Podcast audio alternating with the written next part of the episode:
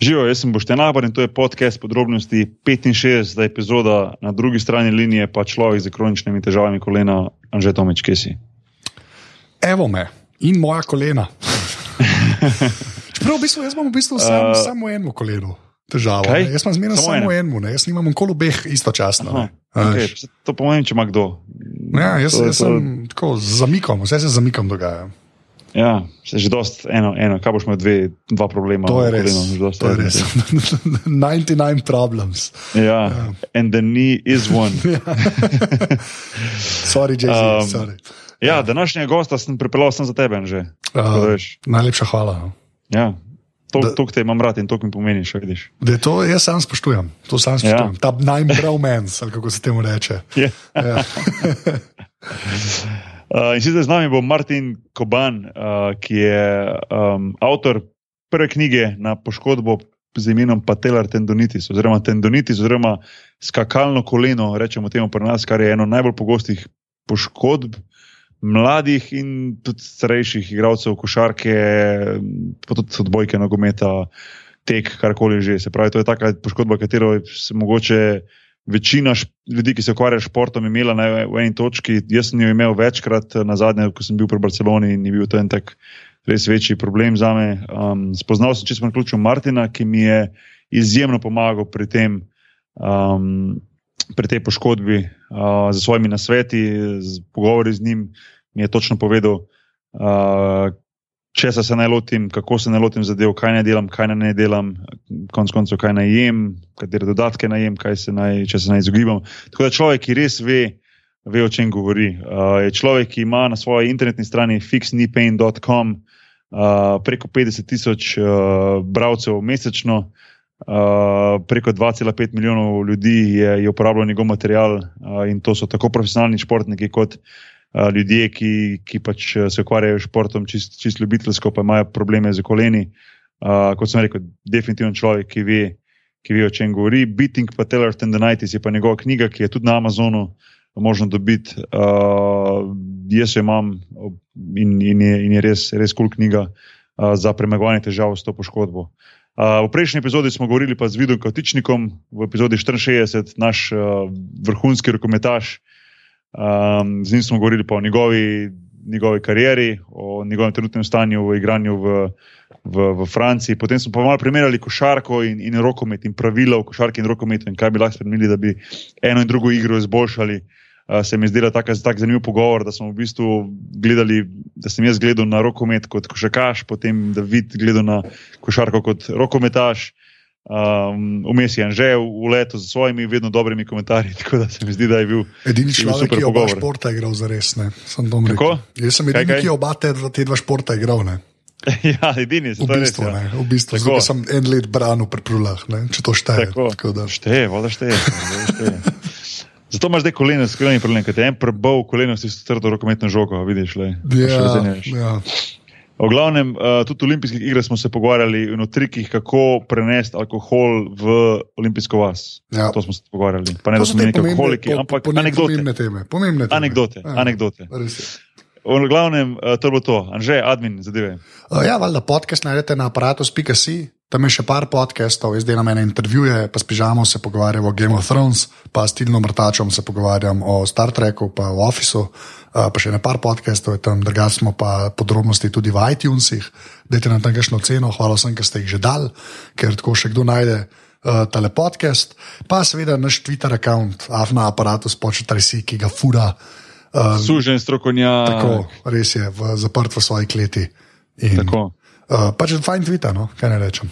Odličen Twitter, kadar Twitter. Ej, uh, a ti, če bi jaz tebe zbudil polnoči, bi ti znal to, kdo je povedal. To sem enkrat že vprašal. Ti neverjetno dobro poveš admin zadeve. Ja, škoda, kaj sem jaz zdaj točno povedal.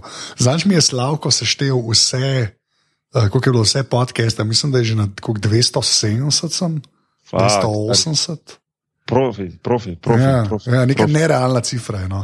V bistvu, koga sovražim, pa slabo, ker mi se števa te zadeve. On pa se statistiko vletava. Ja, ja. Zdaj pa te še nekaj vprašati, a v Nema je še vedno ista? Ja, kar, ali ni to bizarno? Zdaj, ja, se, hvala, da bi se lahko že naveličal, ali ne, jaz ne vem. Jaz mislim, da bi lahko bil že čisa nojd, pa v bistvu nisem. Tako Isto sem, sem, eh, to, isto sem slago rekel, pri 300 za šele začnete starati. Ja. Veš kaj imam na koncu feeling, da se bo folk prej, na, prej cel folk se bo prej naveličil pred, pred tabo. Ja, Pa, ja. pred, pa pred mano, upam. ja, mislim, ne vem, meni, jaz tako res še zmeraj, um, ja, še zmeraj sem napaljen. Ne, ne znam razložiti, iskren. Lepo, no, lepo.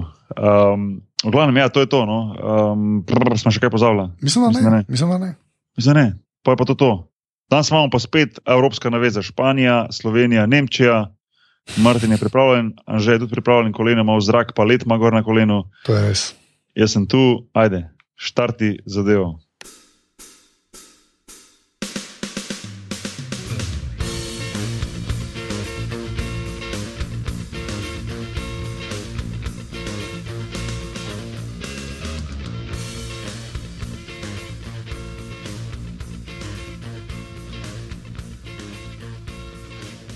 Okay, so we are joined by Martin Koban, uh, the author of the first ever book on patellar tendonitis. I think it's one of the one of the maybe most common injuries, sports injuries, especially in basketball, volleyball, maybe even football, running, and so on and so on. Uh, we'll we'll definitely get uh, deep into it and discuss it and, and and try to try to get to the bottom of how to fight this this nagging injury uh, that so many athletes, including myself, had uh, had problems with. Uh, Martin, how are you doing today? I'm pretty good. How are you? Doing great. Uh, you know, my season's over, so I'm officially on vacation. Oh, nice, nice. yeah. Um, thank, thanks so much for taking time. I know uh, a couple of weeks ago, uh, you, uh, your family got a new member. Uh, yeah. Oh no, just not even ten days ago. So everything's a little bit different now. for sure. Yeah. And now you're on a Uh, podcast, you know, Yeah, which is the same milestone, basically. yeah, yeah.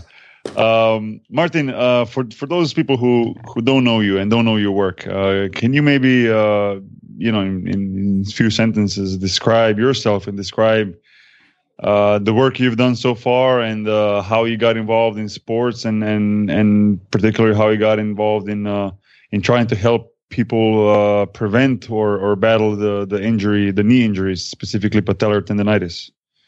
Yeah, definitely.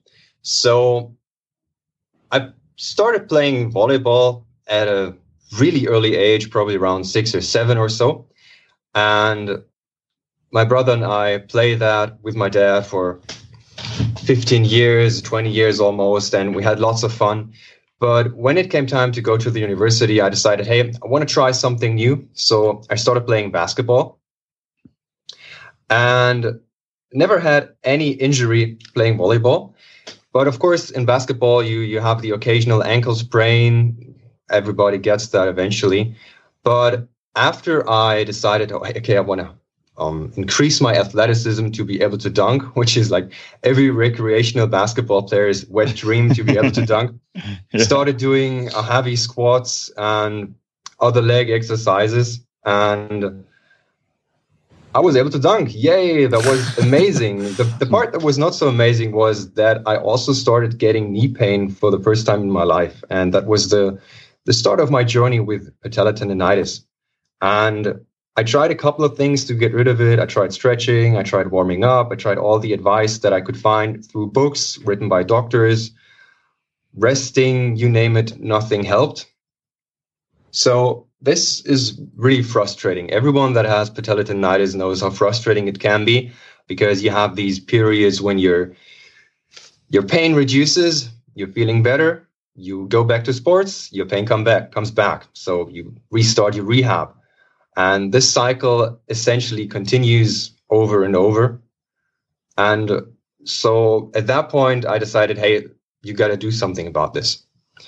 This was compounded by the fact that in, in 2009, My brother, who was still playing volleyball, he tore his meniscus during volleyball practice, but not actually during the game, but during the warm up. And this was really shocking to me because I thought, hey, he tears his meniscus during during the warm up, not even while playing, but during the warm up. So this seems to be an injury that I could sustain as well if I keep playing basketball. So I wanted to, first of all, get my own knees back into shape and then hopefully help him get better as well. So that's when I started my my research journey into this whole issue.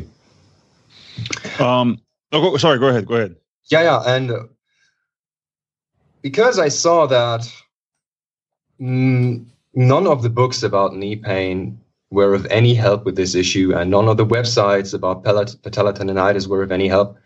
I figured, hey, why not put all this stuff online so that other people that are in the same situation like me can use it to get better? And that was when I started my website in 2011, I think. And it just kept on building from there. People kept asking for a book. So I started my work on the first book. And then I decided, hey, why not focus on patellar tendonitis in a separate book? So that came out in 2013 and it's been going pretty well ever since. And people are really happy with finally getting the help they deserve. Mm-hmm. Um, how, how, did I mean? What did you? Um, you, you, ended up focusing mainly on patellar tendonitis, which which uh, you know I had throughout my career. I had uh, I had problems with it. Uh, mostly, uh, I mean, first I started having problems when I was maybe I don't even remember, like 15, 16, 17. That's that's a pretty mm. common age, right? With the, with yeah, young yeah. athletes first started having problems with the knee or uh, martin maybe for the beginning for those people who who are not sure what are we talking about can you describe the patellar tendonitis injury and and and how it feels when you have this injury? So the patellar tendon is the tendon that connects your kneecap to your shin bone. And when you have patellar tendonitis you're going to feel pain in the patellar tendon directly under the kneecap. And it's, it's going to start off slow with maybe a little bit of discomfort after you've um, you're done playing volleyball or basketball or whatever you play. And uh, at that stage most people just ignore it because hey it's, it's just a little bit of discomfort. You can play through it. It's not going to be a problem.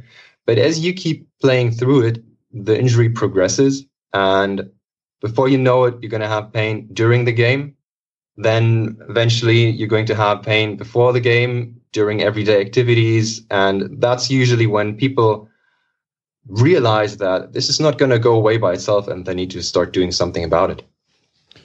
Yeah, and, uh, and like I was saying, the first time I had this problem was when I was maybe 15, 16, 17, around that age. Um, it's mm-hmm. it's pretty common, correct, for the young, like I said, for the young uh, athletes, whether it's basketball players, volleyball players, even maybe runners or anything to have this problem. Um, you know, for me, it started then, but then then it, then it, then it went fine, and then throughout my my career, it would pop up here and there. You know, maybe when there was maybe during the training camp when there was more more you know more practices and it was it was more stress on the knees.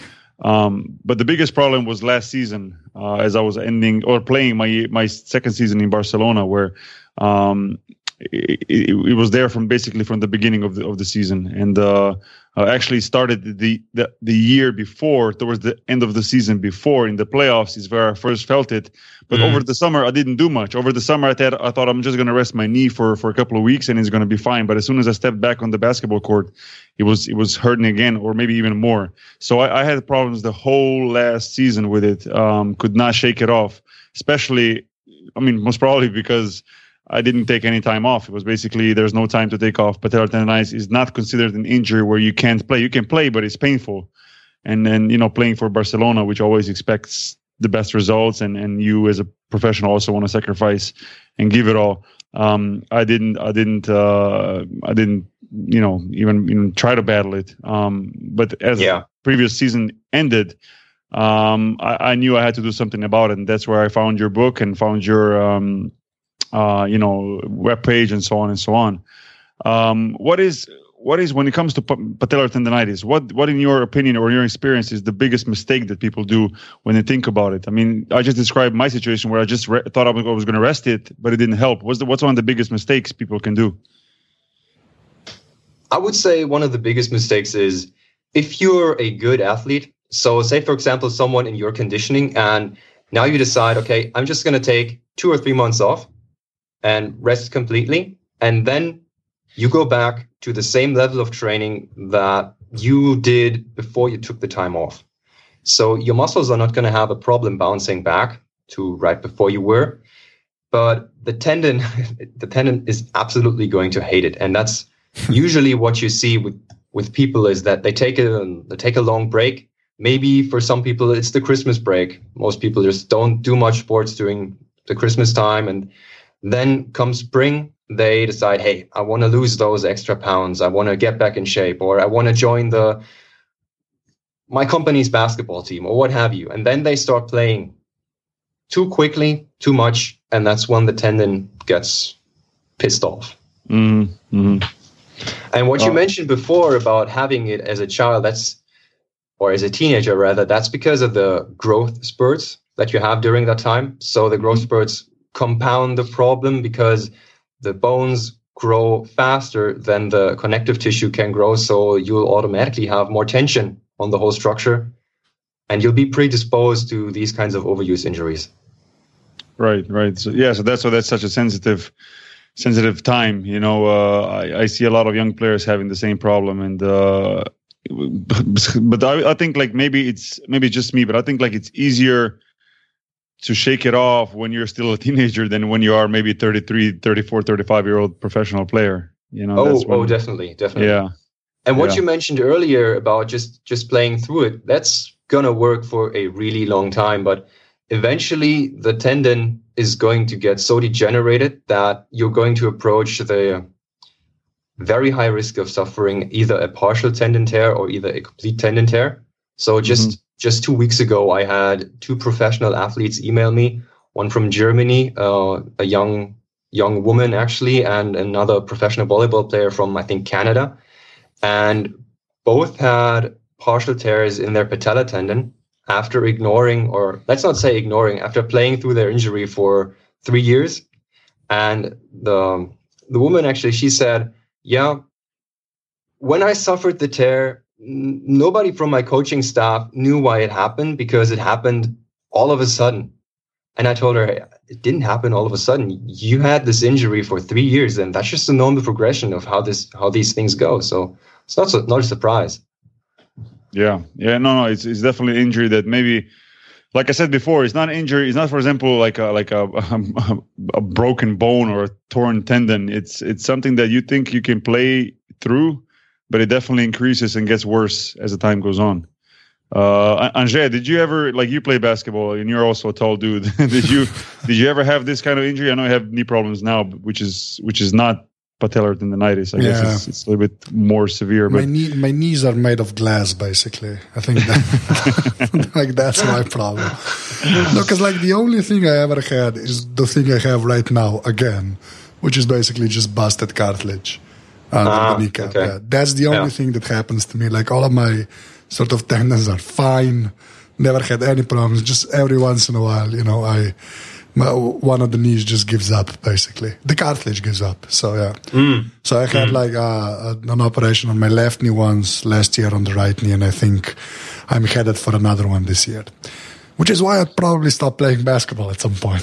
Anže, Anže, you're doing too much heavy dunking, man. That's the problem. You know, Yeah, stop yeah. dunking on people, man. Yeah, you gotta switch to your old man game. Yeah, yeah. Just yeah, just my mid range game needs to improve then, because yeah, I, I my mid mid range shot is just crappy basically. So, mm. but yeah, no, it's it's weird because I like on the one hand I've been really lucky because I've re- seriously like I haven't had any other knee problems except for the cartilage, right? Which is kind of crappy. When my meniscus on the sides is fine, it's a little red the last time I had it operated, which is weird because when I talk to Boki about his stuff, right, it's it's always weird to me where it's uh, you know it's it's it kind of doesn't sound that bad, I guess, but hearing you talk about it, it's apparently pretty bad if you ignore it. So Yeah, yeah, Yeah. It, it can get pretty bad if you ignore it. But even if even if you can still play through it, it's gonna impair your performance at some point, and you're gonna feel the pain. It's gonna be in your head. Your game is going to be different. You're not gonna be as good. So these are all things to be considered. Like take for example uh, Stephen Curry in the last game that everybody was talking about. Is he feeling 100%? Is he not feeling 100%? He doesn't look quite well out there on the court, and these are those things. Those maybe it's just a little bit of pain, but it throws you off. Yeah, it definitely, it definitely throws you off. I mean, I know through my own experience, like uh, when you're not feeling hundred percent, it's it's it is difficult. It's definitely difficult, and uh, I'm not sure if there's any sport out there that you cannot feel hundred percent and still be at hundred percent. You know what I mean? Like it's Yeah. it's definitely definitely, and that's something that you know. For example, when you have a patellar tendonitis problem, and, and when it gets pretty severe, severe, and it's it's painful. Uh, you know, maybe people in the stands and people who watch the game don't don't see it, don't know it because it's not like you have it wrapped up or that you need uh, I don't know, a heavy brace. You know, it's just something that is Mm. there, and, uh, and and you watch the game and you think like, why is this player like half a step late? Why is he not he's Yeah. jumping as much as Yeah. as he used to, or he, or you know he did maybe a month ago? Like it's something. It's, it's something. It, I would call it a very sneaky injury. You know, where Mm. it kind of creeps in slowly and it doesn't go away. Um, Martin, when, you you know we when you wrote the book about the the, the patellar tendonitis and you have your webpage, like wh- where do you try to, fr- to to find the information from, and how do you how do you sort out the information? How do you decide which you know which information is good, which you should follow and add to your uh, to your book or to your webpage, and which is maybe uh, maybe not good. I'm sure there's a lot of testing done. Different universities, different different doctors, or however they do different testing for different things that work and don't work. Uh, how di- difficult it is to the end to find things that work for for an injury, um, and and kind of sort them out and kind of push aside those things that maybe have been proven to do to not do well. So you have a ton of research papers that you can read on PubMed, for example. And you also have a number of industry experts, or maybe not industry expert, but subject matter experts that do clinical research on patella tendonitis. For example, you have uh, Dr. Jill Cook or Dr. Peter Malliaras. And these guys, they publish and they do research and both were featured on a on another podcast, the Physio Edge podcast. So when you do this research, you obviously start out with the the basic keyword that you're looking for, and then you just you look at everything and you connect all the dots. And the step where I take it further than than most people is I also look at anecdotal evidence. So anecdotal evidence is basically just a fancy term for saying what worked for some people, but that hasn't been researched at a greater scale. So, for example, you have supplements, you have certain types of exercises. So then, and this is this is really fuzzy work. You, for example, you go to Amazon, and you have the question: Okay, does supplement X epsilon work mm-hmm. for patella tendonitis? And you look at those supplements, and maybe you're going to find certain supplements that have hundreds or maybe even thousands of reviews on Amazon. And then you open up those reviews and you look at people's stories. Do people tell the story that it worked for t- tendonitis, for example? Yes. Good. No. Okay. Or maybe there's no evidence at all. And then you take that in consideration and you go back to your your um, original research source and try to confirm the anecdotal evidence through actual research papers. So this this is kind of a back and forth, and then of course you also have the the whole movement aspect. So how do people move, and what do the do the joints work properly? And that's where you look at the the writings of people like Dr. Gray Cook or Dr. Perry Nickelston. And so my work is I like to think of myself not as the the guy on the front lines, but I'm more like the Steve Jobs. So I take what someone else has already discovered and confirmed and put it together into something greater, bigger, and better. So for me, my goal was to create an approachable concept of everything that works and put it together so that people don't have to go out and don't have to spend hours and hours digging through research only to discover, okay, I just spent two hours reading about something that doesn't really work. So I wanted to create the the finished product, and that's that's basically the process. Yeah, makes sense. Um, you mentioned supplements, and uh, you know, I'd, I'd like to touch on this on this a little bit. Um, uh, when it comes to whether it's you know patellar tendonitis injury or any other injuries, it's it's it's it's very important to to keep uh, things that um, the, things that can in, I don't know how to say like in, in, in inflammatory things you know off of the of, of your menu you know uh, and I'm just talking I'm not just talking about supplements I'm talking about a regular diet or food or that, that you eat. I mean there's certainly and we can talk about the supplements and about uh, you know inflammatory pills and all that a little bit later but it's when it comes to dieting and eating right um, or maybe which are the things that people should uh, consider to take off their menu when they have such an injury, like, like inflammation injuries, such as patellar tendonitis is, or whether it can be like tennis elbow, or can be maybe uh, similar injuries to that. There's certain, there's definitely some things that you definitely want to try to avoid eating when you have these problems to decrease the inflammation. the biggest item on that list are polyunsaturated vegetable oils. So vegetable oils that are rich in omega-6 fatty acids. For example, you have corn oil, safflower oil, sunflower oil. And those are basically all the, the popular cooking oils that you're going to find recommended for cooking. So I recommend in my book and with everyone that I work with that they ditch those oils completely from their kitchen and that they're careful when they eat out to make sure that it's not super fatty uh, or it's not still deep fried in these kinds of dangerous fats. And while there's no research about how much this impacts tendonitis, I'm pretty confident that having a low inflammatory state caused by those omega 6 fatty acids impairs recovery, not just from tendonitis, but also from cartilage problems, which may be relevant for Anže, since he said he has he's having cartilage problems. Anže is probably drinking oil by gallons. yeah. yeah. I don't know about the cuisine of your country. yeah, I'm taking notes. I'm taking notes. So.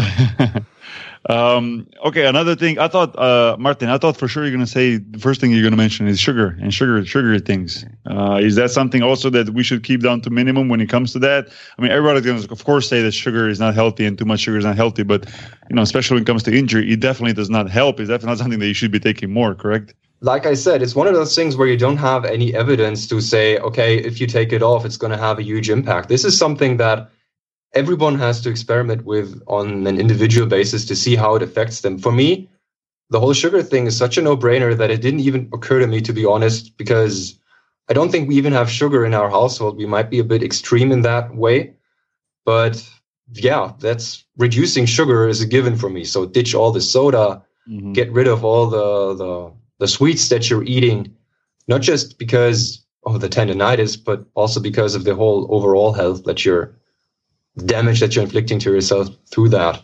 Yeah, no, correct. I mean, absolutely, I agree. And uh, you know, if we take it a step further, then we come to to the the whole anti-inflammatory painkiller things. You know, I'm sure people listening to this, they they they they know the pills such as Voltaren and uh, and and and many similar ones that decrease the pain, yeah, maybe for for a couple of hours or for a day. Uh, I'm not gonna pretend I'm perfect. I definitely have uh, taken Voltaren before many times, before many games. Uh, you know, uh, uh, have done it when I had my, my knee problem, and I, I, gotta say it did help for that for that hour maybe or two hours, or or mm. sometimes strangely I felt better the next day, which was kind of like a delayed effect where the day after the, the, the tough game.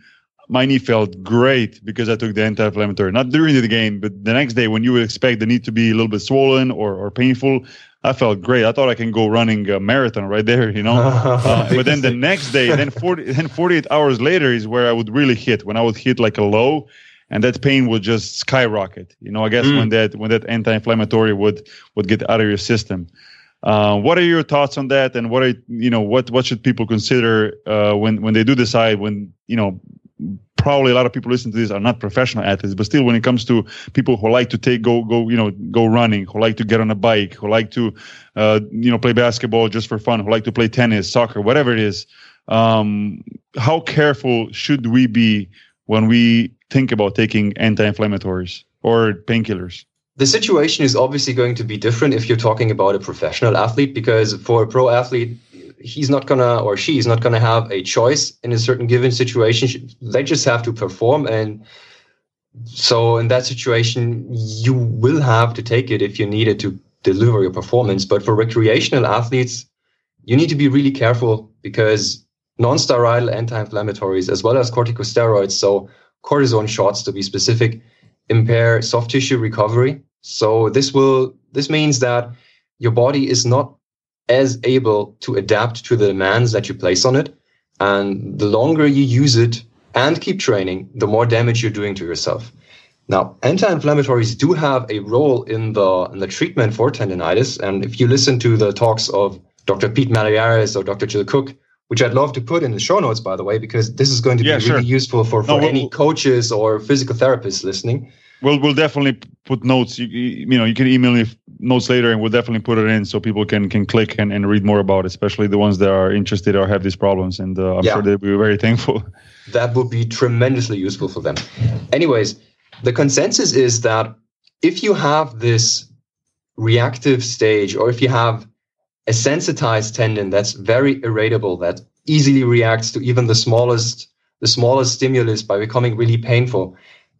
During that stage, you can use uh, ibuprofen or other non-steroidal anti-inflammatories, although the consensus seems to be that ibuprofen is best for this, to calm the tendon down, to desensitize the tendon, to get rid of the pain. But during that period, you should obviously not continue your regular training. And that's the, the biggest mistake people make. And part of that um, we can blame doctors for because I don't think they warn people properly about the risks of taking ibuprofen and just continuing their regular training. So if you go the anti-inflammatory route, do it in conjunction with treatment by someone who's experienced with patellar tendonitis or the respective injury that you're having, and make sure you focus on healing your injury and then return to sports and don't use a Voltaren, Gel, or ibuprofen just as a crutch to allow you to keep playing because that's a recipe for disaster.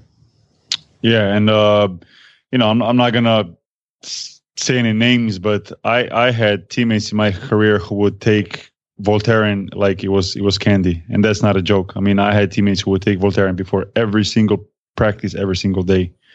Mm. Um, and that's definitely an, an overuse. You know, I, I, had teammates who were not able to practice if they didn't take Voltaren, and were on it basically throughout the duration of the whole season.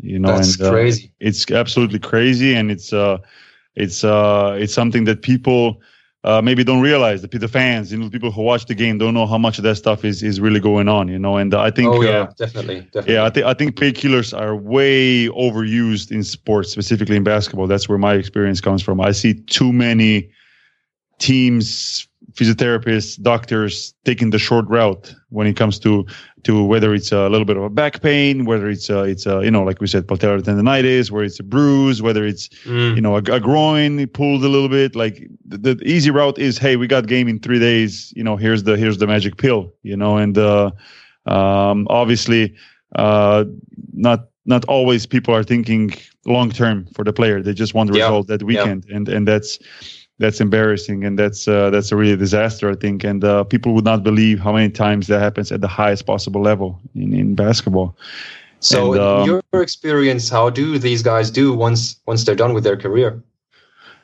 um, a lot of people have a lot of problems, uh, obviously. that was the most obvious statement ever. yeah, yeah. I think, uh, uh, and and don't get me wrong, I'm not blaming the people I'm not only blaming the people who are giving out this, whether it's a pill, whether it's a it's a you know painkiller shot, you know uh, whatever it is.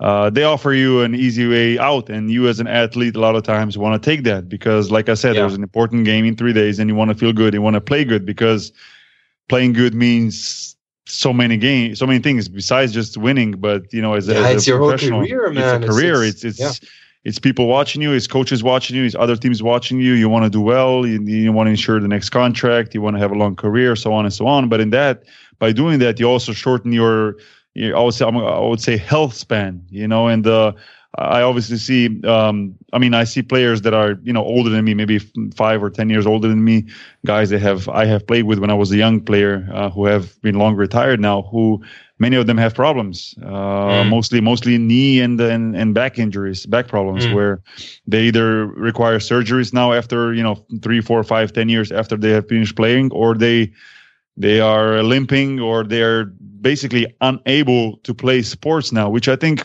for me was always has been a goal and it's always going to be a goal and hopefully I can achieve it is where when I finish playing professionally I want to still be able to go out and play tennis, go play, go play football, go play whatever I want. That's, yeah, that's something that's just very important. Enjoy your body. Me.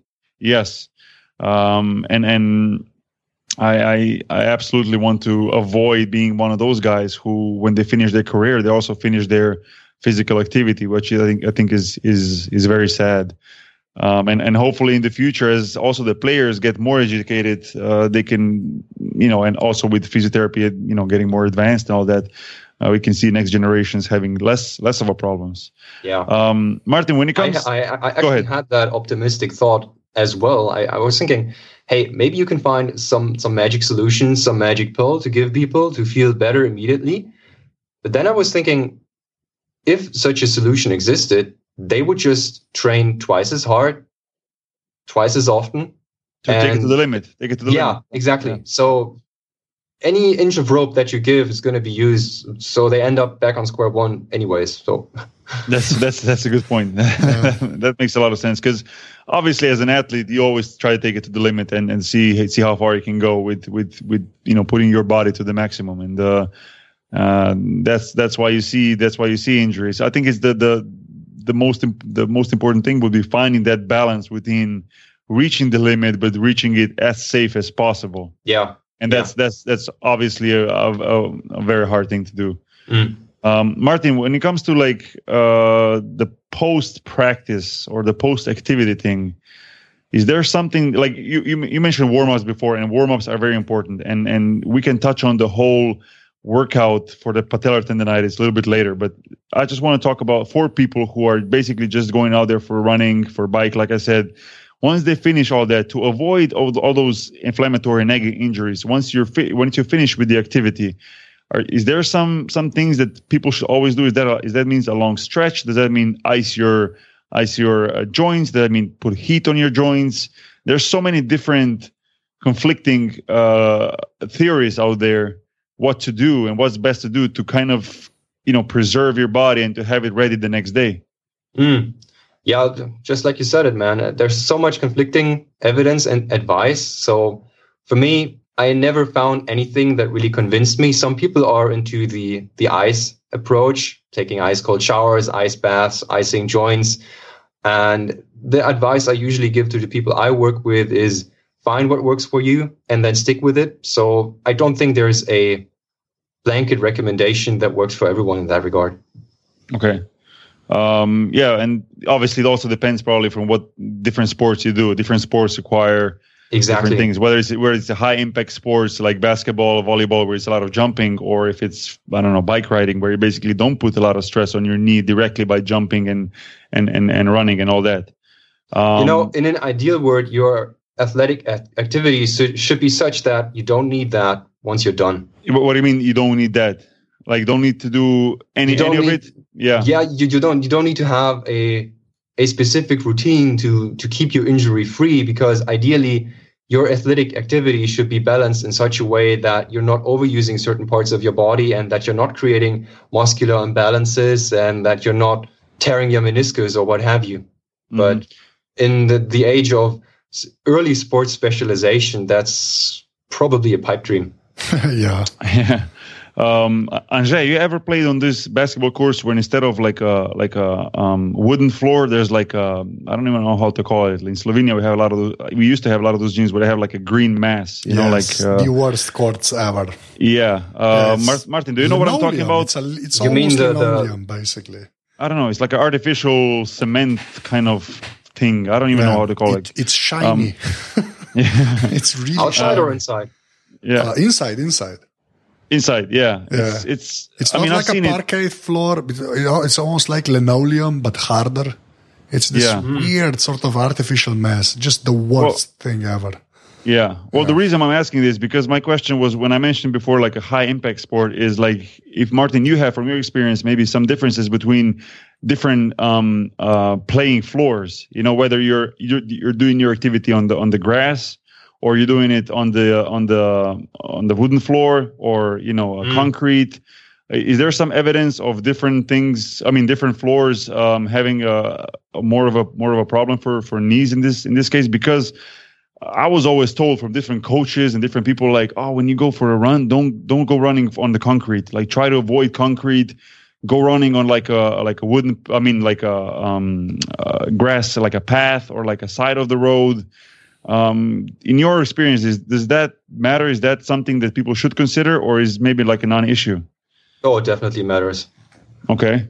Uh, that's that's the area of anecdotal evidence again. So there's no no research on that, but in my experience, back when I played a lot of basketball, I always preferred the indoor hardwood floors over the outside rubber kind of ground. In Germany, we call it tartan, Yeah, T R A yeah, T yeah, A N. we have the, it's the same word here. So Yeah, Yeah. yeah. And I prefer the the inside. And for running, definitely a soft surface. It doesn't have to be grass. per se. It can also just be a like a dirt road or like dirt road. yeah, that's yeah, that's yeah. so much softer than concrete. hmm And that that's not only that's not only probably impacting knees, but also besides ankle, also back. I would imagine. I mean, all the vertebrae and, and the whole thing. I think it's uh, it, it makes it makes a difference. I mean, I felt the difference when I would play basketball outside on concrete or inside. I would felt huge difference even as a younger player. Mm. Uh, Anže, I don't know. You probably spent a lot of time playing outside. I would imagine.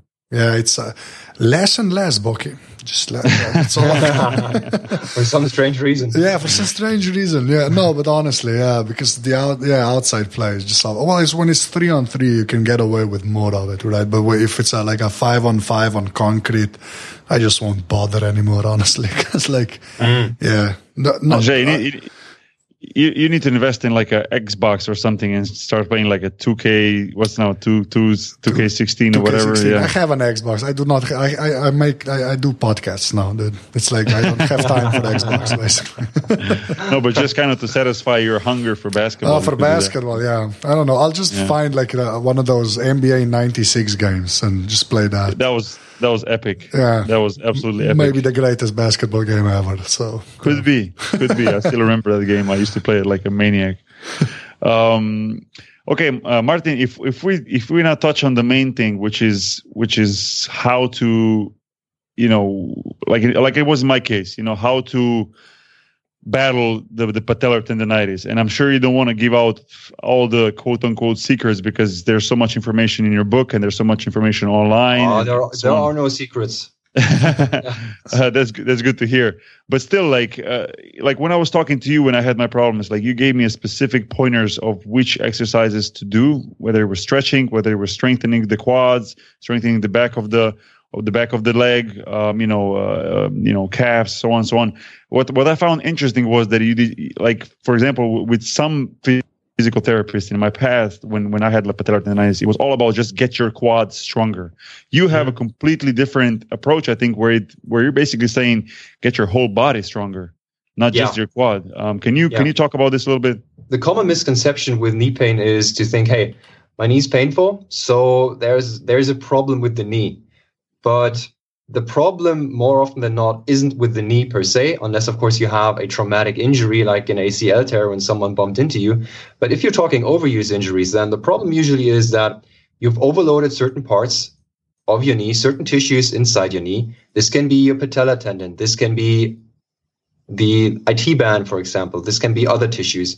And this overload happened as a result of problems in your ankle, maybe problems in your hip, or maybe muscular problems. So you're looking at the whole legs, the whole kinetic chain as a system that works together to create movement. And as soon as one part of that system doesn't work as it was designed to work, other parts will have to work harder or will be used in ways that are they weren't intended to be used and that's when problems start so not only do you have to help the the injured tissue recover but you also have to discover or at least look for what actually caused these tissues to be injured and that's that's the biggest problem i see with the conventional approach to patellar tendonitis and many other knee injuries is that people just they wait out their pain and, until they're feeling better. And okay, if you don't have patellar tendonitis, if you have another injury, knee injury, this can work.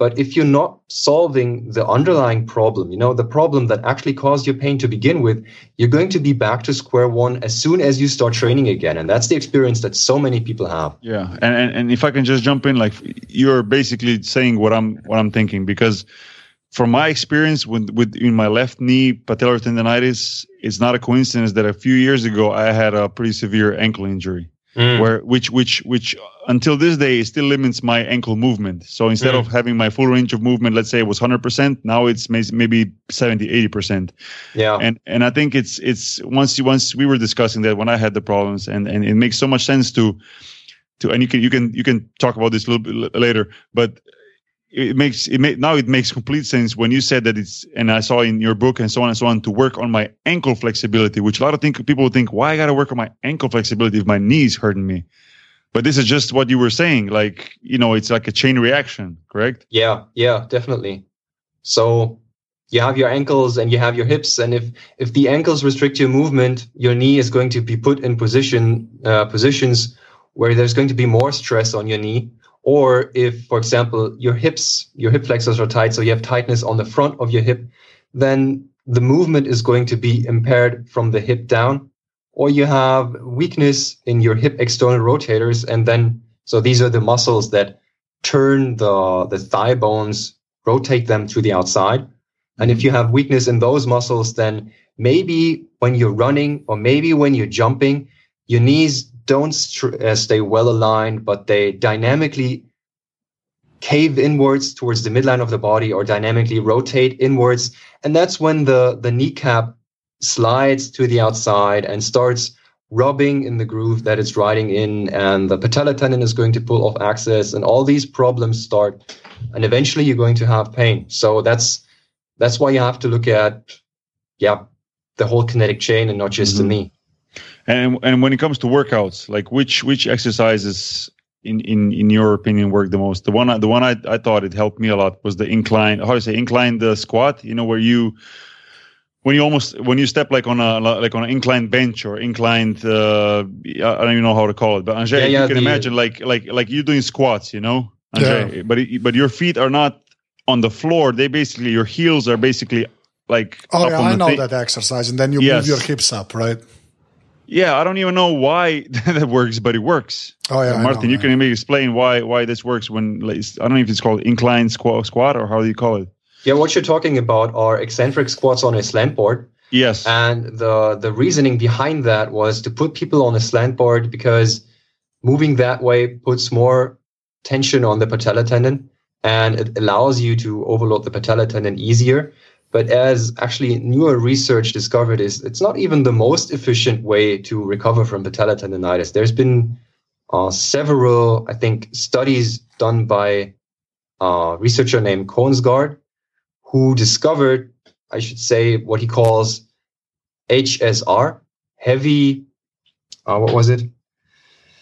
Heavy strength training for patella tendonitis or heavy slow resistance training. That's what it's actually called. And you're doing the same thing, just using different exercises. So with the slow eccentric squats, you did the bodyweight squats. And with his approach, you're training less often. So you're just training three times per week and you're still using a slow strength based movement. So he did, I think, Smith machine squats, the leg press and back squats with the with the added modification that you do them slowly. So you're not moving in, in your regular tempo, but you're actually taking, I think it was three seconds down and three seconds up for the movement. And that's really great for stimulating your, your patella tendon to, to recover from patella tendonitis. Um, yeah. And, and is there, um, for different people, is there always the same solution when it comes to workouts or it should be very, uh, I don't know how to say personalized, you know, when it comes like to to to patellar tendonitis injury, or is there something like a formula? When it comes to workout itself, you know, to the exercises and stretches? Is there something that you would recommend for anybody to do, or it should be very personally looked at and personalized and said, okay, for you this is better, for you this is better, or people should really do it themselves, where they have a bunch of exercises on a list and kind of try to figure out for themselves what works and what doesn't, which I think is a little bit difficult because people at the end of the day do like yeah. somebody else to tell them what to do and kind yeah, of pointing exactly. in the right direction, you know? Well, the, the one thing that everybody can do is the self massage. So I always recommend people use either a foam roller or if they don't have a foam roller, they can use a simple stick like a curtain pole or a broomstick or somebody even used a, a rolling pin like you use for rolling out dough and you use that to massage your your thigh muscles and the muscles on the side of your hip. So that's something that everybody can do and should do. But beyond that, it's really highly individual. And for example, the way you use the the strengthening exercises for the patella tendon really depends on your pain levels. So if, for example, your pain is is really high and your tendon reacts to even low loads by becoming very irritated, then you should use isometric training like wall sits, for example, where you just sit against the wall with your knees at a little above a 90 degree angle. And that helps calm the tendon down. But and you keep doing that until the tendon, the pain is no longer going up and down like crazy. So you're looking for pain to be more constant. And once you've approached that pain being more constant, you can use those other exercises that we talked about, like the heavy, slow resistance training type of exercises, or you can use the eccentric squats, or you can use just slow body weight squats where you transition to single leg squat variations. That's really up to the person doing it and the equipment they have available. Yeah. And, uh, you know, hopefully with all the information like we talked about, hopefully people can find solutions because I'm sure there's people out there who have these problems and, uh, uh, I know how much I know how much of a difference is when you go to practice or the game pain free, and, and such a huge difference. So let, let uh, me ask you, what did you do to get back in to get back to where you were? I mean, you, yeah. you, you improved a lot. I did. I did. I actually feel this year. I was, I just talking to Anže before we started recording. Like I feel this year compared to last season, I would say, and it's going to sound maybe crazy good, but I feel ninety to ninety five percent better than I do last year. That's great. Um, and I and I'll I'll I'll I'll tell you two maybe two two reasons. First is because I really took my time in the summer to work on the knee and uh, mm. uh, especially the the pointers you gave me, and uh, I was uh, almost obsessed with it, working on it daily. Uh, you know, not just not just strengthen every day, but kind of like you know do more stretches and more rolling one day, the strengthening mm. the next, and so on and so on. Um, stayed off the court for maybe more than a month or more month and a half, and just worked that. Just worked, uh, tried to strengthen the knee uh, and then kind of slowly got into it before the season. You know, didn't go right at it from the first practice to go full speed. Um, yeah, perfect. That's one thing. And then second thing, I have to be realistic and also say that okay, this year I'm playing in Sevilla, which has, you know, uh, only one game per week instead of two games per week, like I did for the pretty much the whole my whole my career up until this year. Uh, uh, but but I have to say that we still practice every day and there's still impact on the knee because practices itself are are just as tough sometimes as games you know?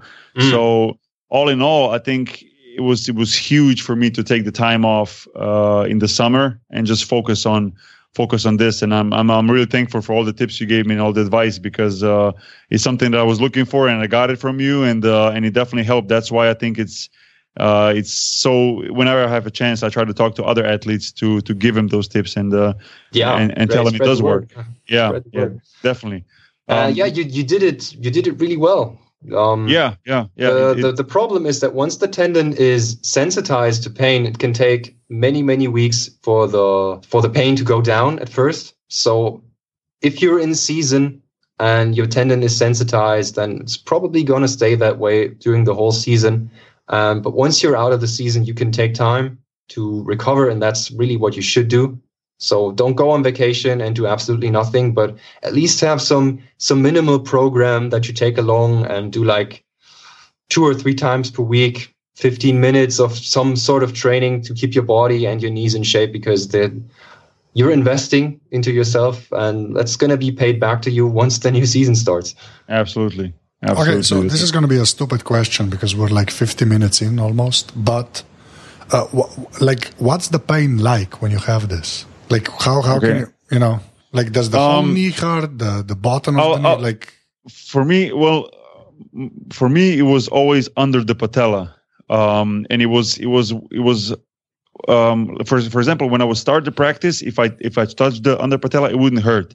But as the practice went on, let's say halfway through the practice, it will get so painful that even if I touch the patella or the the patella, um, the tendon under the patella, it will be painful. So after practice, for example, I was not able to touch it for at least a couple of hours. You know, it was oh, very wow. okay. very sore. Yeah, yeah, it was very it was very sore. And it got to that point gradually. It wasn't like this the first day. You know, like I said, it started in playoffs two years ago, and it was like, um, you know, a little bit of tendonitis. I knew what it is already because I had experience before. But then it got worse and worse towards the end of the season took the summer completely off without, I mean, not the summer off, but like a month, month and a half off without strengthening the knee or anything, and then went straight into basketball, and it came right back, like I said before, uh, back to like 100% pain that it was before, you know, same. And uh, and it stayed like this throughout the whole season, even though I I did try um, plasma shots. Is that how you say, uh, Martin? Yeah, like plasma, yeah, yeah. You know, yeah. that didn't help. But I heard there's also some research about like stem cell thing right now that you can that would was supposed to help with patellar tendonitis. But I don't know how much is that, how much how advanced is that, and what other procedures can people do. I think from my experience, the most most is take some time off and just work on strengthening the knee and and getting that patellar the patella back in back in shape. I mean, uh, Martin, do you have any other like experience from like how it feels or how the knee sh- should should feel when you have this injury? How the knee should feel. yeah, just so, just so people know, just so people at home who are listening to this are like touching their knees now are like, do I have this? Do I have something else? Like, yeah, that's why know. I ask because yeah. yeah, yeah, I know, I know, I know. Yeah, so so with pure patellar tendonitis, the pain is really going to be localized, like you described it, directly under, so directly in the patella tendon under the kneecap. It's called the inferior pole of the of the patella, so directly underneath it, just one or two fingers below. But if you have other issues that are going on at the same time, for example, if you have inflammation on your in your fat pad under your kneecap or in other tissue uh, problems in other tissues in your knee, then the pain is not going to be localized as much. And maybe you're feeling pain all around the kneecap or not just in the patellar tendon directly below the kneecap, but also um, around the tendon. Or, yeah, so really depends on if you're just having patellar tendonitis or if you're having something else as well.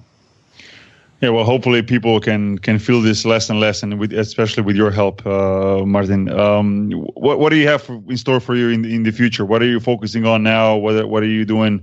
Uh, let's say in the next year or so. Um, I imagine you're trying to gather as much as possible in, information and, and and keep on building on the, on this, uh, and, and try to help as many people people as possible. Yeah, I'm trying trying to reach more people, trying to learn more, trying to get better, and uh, right now i'm not really decided on how i should continue. I'm thinking about covering every knee injury in uh, in a book that doesn't just talk about patellar tendonitis but about all the the knee issues that you could potentially have. And i'm debating with myself whether that would be a reasonable approach or whether it should be better to have individual books on the individual injuries like i did with the patellar tendonitis thing. It's eventually i'm going to find a solution to that but other than that, really, like you said, trying to reach more people and spread the word. Yeah, and, and we'll definitely try to help that. Uh, you know, to help you with that. It's uh, uh, it's really a good thing that you're doing, and uh, you know, there's no other, there's no better proof than than when people actually try it and and and, and go through through your help, go with you know with hand in hand hand in hand with your help, and and uh, I have done it, and I have to say that it definitely helps. So. Uh, we'll put a lot of notes in the in uh, you know when we uh, when we post the podcast out on our webpage and uh, uh, you know people can uh, order your book. I think it's also available on, on Amazon. Beating Patellar Tendonitis.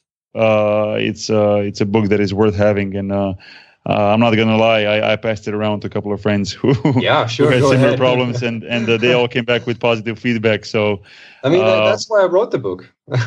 right, I get Um, these stories all the time by people uh, through email that write me with their problems. For example, one guy wrote, and that just stuck with me is, I'm, I get horrible knee pain when I put my young baby daughter into her crib, and I was just thinking, wow, yeah, nobody should have to go through this. I mean, that's that's horrible. And uh, anything you can do to help these people, even if it's just passing around the book or giving some advice here or writing a short email to give some tips, that's that's cool. Why not do it? That's Yeah, that's awesome, and and I like the way you think. I think uh, things are, uh, you know, when when you're open like this and when you share knowledge, I think you receive receive back just as much, if not more. So I think your approach is definitely a, a, a correct one. Uh, fix fix they call dash or slash or fix dash. oh, just fixkneepain.com. You're gonna get there fixkneepain.com is way. simpler. Yeah, fixkneepain.com. You can find a lot of information. Beating patellar tendonitis is the book that I definitely recommend. Martin, thank you so much for taking your time. This was an awesome conversation. I'm sure we helped a lot of people who are are having problems with the with the knee injuries, and uh, uh, you know, I'm looking forward to see what you're going to do in the future. Hopefully, I'm not going to need any of your books, but if they come out, I'm definitely I'm definitely going to recommend them. So maybe Anže, you're going to need the next ed- edition of the Yeah, book. I- yeah, I've been checking out the site since you told me we're gonna do this. So yeah, I'm, like I said, I'm taking notes. I just wish there was like a like something to do for the cartilage, but that's just bone tissue, and that's just Works sucks. cartilage. Cartilage, I think, is the most difficult thing. If I'm not wrong, right, Martin? Like cartilage. Are you is like talking one- about meniscus issues or are you talking about the, the articular cartilage? I think it's the articular cartilage, I guess, because my meniscus is fine. Because yeah, Okay. So yeah, for the articular cartilage, you can definitely Um, like I said earlier, ditch the omega 6 fatty acids, take a fish oil supplement. And then uh, I don't know about your country, but in America, they have this supplement called Move Free, which contains at um, chondroitin, glucosamine, MSM, hyaluronic acid in a reasonable mixture. And that really helps a lot of people with our um, cartilage problems with arthritis specifically. And I even had one guy that was about to have his knee, total knee replacement surgery. He emailed me in December or in November, and we talked, and I gave him these suggestions along with exercises to use. And with arthritis, it's just move your knee through the full pain-free range of motion without placing load on it. So, for example, lie down on your stomach or lie down on your back and flex and extend the knee as long as it's pain-free. Take these supplements and in January or February, he, he wrote back to me and said, um, I don't know what to tell my surgeon, but I'm pain free and I don't think I need a surgery anymore. I'm like, dude, that's a great problem to have. exactly. Exactly. Um, awesome. Um, Martin, where can people, like I, I said your webpage and I mentioned your book. Is there on, the other way people can reach you? Um, I know Twitter is one of the things you use. Yeah, I'm on Twitter, but I don't check Twitter often. So the best way to reach me is to go to my website and to sign up to one of my free email courses. And then when you get my emails, just respond to my emails and I read and respond to every email that I get. And that's that's the safest way to get in touch with me. Awesome. Uh, Martin, thanks to you so so much. We'll keep in touch and uh, and the best of luck. Yeah, thanks for having me. All right, thanks. Bye. Bye-bye. Bye bye. To je bil torej pogovor z Martinom Kobanom. Um, se mi zdi, da je človek podal marsikaj zanimivo informacijo uh, na temo, na temo poškodb. Že si si zacahno kaj? Ma ja, se sem že prej, tako naprej, sem se pripravil na tole, sem malo side gledal, tako da so mm -hmm. vaje, vaje imam zapisane, tako bom rekel. Ja, mislim, uh, škoditi definitivno ne more. Se mi zdi, da, da če pa si človek malo pomaga že s temi nasveti, ki jih je dal on, se pravi, ali je to zdaj prehrana, oziroma česa, pri, pri čem paziti, ali katere vaje delati, ali katere mogoče uh, dodatke imati, katere ne. Če s tem, to, s tem zdaj, to so vse stvari, ki lahko človek sam dela in sam se jih loti. In to niso stvari, ki bi bile ne vem kako zamudne, pa ne vem kako drage, pa ne vem kaj vse. Tako da iz mojih izkušenj, ko sem večkrat rekel tokom tega podcasta, se mi zdi, da je to vredno poskusiti. Jaz sem imel zelo pozitivne um, rezultate. Uh, ne vidim razloga, zakaj ne bi tudi, tudi drug. Tako da um, sem bil vesel, da smo, se, da smo se slišali z njim, pa da smo se pogovorili. To sem imel že dolgo časa nekako v mislih, narediti en podcast na to temo poškodb in, in me veseli, da smo to speljali. No. Um, Anže, imamo za na konec še kaj za dodati? O, ne, kar se sam še admin. Ne. Kar Ja, to, pomeni- to smislu. Ja. Ja, kar pa Ja. pomeni, da pač tale podcast je seveda del mreže aparatus.si, samo na Facebooku, tam posačite aparatus.si in pa imamo služna strokovnjaka, ki tvita na afna aparatus počrtaj si. Um, a sem rekel aparatus ali podrobnosti, veš, kaj me pa zjebe, ne? Uh, pa se vseeno, vse to je, to je vse tako zlito, vse zlito v eno skupaj. Mislim, Ne, veš veš, kaj, zdaj, Ker imam tam izmerno aparatus, aparatus, pa je pa podrobnosti. Tako da, če nisem rekel, to bom vseeno odpustil za nalaž. Voda. bom, uh, bom rekel še enkrat, afna podrobnosti počrtaj si. Ker uh, služiš strokovnjak ful dobro dela. No. Tako da ja. Ja, kadar dela. No. Kadar, no. Veliko spi, sicer, ne, kar, kar ni čudno, glede na to, da nima kaj delati v kletnem prostoru, tvojem bloku ja. tam. Ne. Ja. Ki, um, ni, umo- ni, to so A, kletni si ga prostori. To lokacija je neznana, stari. A, si ga, ok, ja, ja, ne, ne, to samo okay. Obstaja, ve se pa, da so kletni prostori. Ja. ne sem prvi teden bil tam, si ga predstavil. Res je, ne, non-stop kroži po različnih lokacijah, da ga ne dobijo. a Veš, da ga ne more najti. Jaz sem čakal, da naj en potrka na vrata, nič ne pizdi. to res. Uh, drugač pa ja, aparatus lahko valjda tudi podprete. To pa naredite tako, da greste na aparatus.si slash podpri, pač res vsak evro prav pride, tako da full fala vsem, ki ste to že naredili, polnim, ka boste. Evo. Tako, kot vedno še v mojem imenu, en velik thanks za vse, kar je že, že omenil, pa se slišimo, slišimo naslednjič, čez 14 dni. Uh, to je vse res. Oziroma, pač, ja, odvisno, kaj, odvisno kaj posluša človek. Ne, a. Ja, to je tudi res. Ja, to Lahko se, se slišimo že jutri, ali pa lahko da smo se slišali že včeraj. Ja. Pa zdaj, če A ni hočeš to- biti full eteričen, lahko se nikoli še nismo slišali. ne. To je prav, prav. Ali pa že, že 65 smo še, naslednjič pa bo 66 tič. Res je, res je. Zdaj preveč za filozofirati, reče Ne. Okay. tečno smo, tečno smo. Ajde, čau, čau. Čau.